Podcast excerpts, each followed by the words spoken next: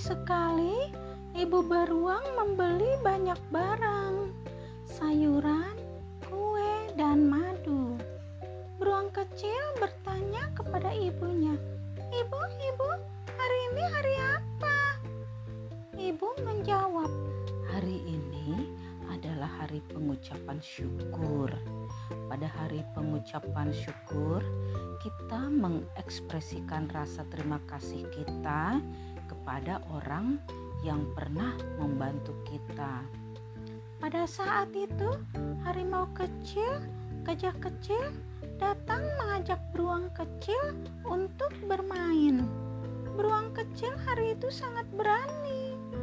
Dia memanjat pohon untuk mengambil madu dan lebah menyerang beruang kecil.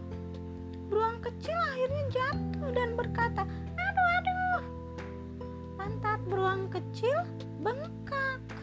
Gajah kecil memapahnya pulang ke rumah. Beruang kecil merangkak ke tempat tidur. Kemudian ibunya memberinya obat.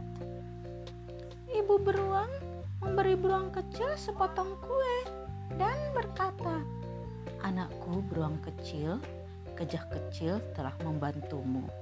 Apakah kamu sudah mengucapkan terima kasih? Beruang kecil menjawab, "Ah, aku lupa." Kemudian beruang kecil menulis surat sambil membacanya. Hari ini adalah hari pengucapan syukur.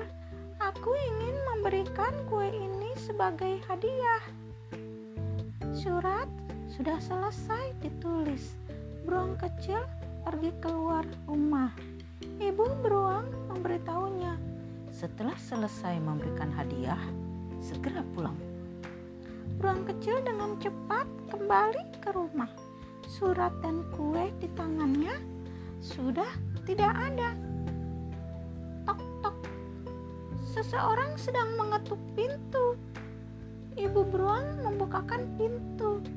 Ternyata Tuan Ma, seorang tukang pos, sedang berdiri.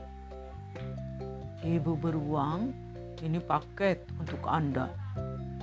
Ibu beruang membuka bungkusan itu dan berkata, Bukankah ini kue beruang kecil? Ibu beruang kemudian membuka dan membaca suratnya.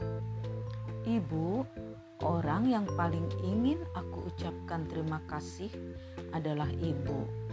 Terima kasih sudah menjagaku, anakmu, beruang kecil. Ternyata beruang kecil menyiapkan dua kue dan surat. Satu diberikan pada gajah kecil, satu diberikan kepada ibu tercintanya. Bahan renungan Beruang kecil sangat berterima kasih kepada gajah kecil karena dia membantu beruang kecil yang terluka pulang dengan selamat.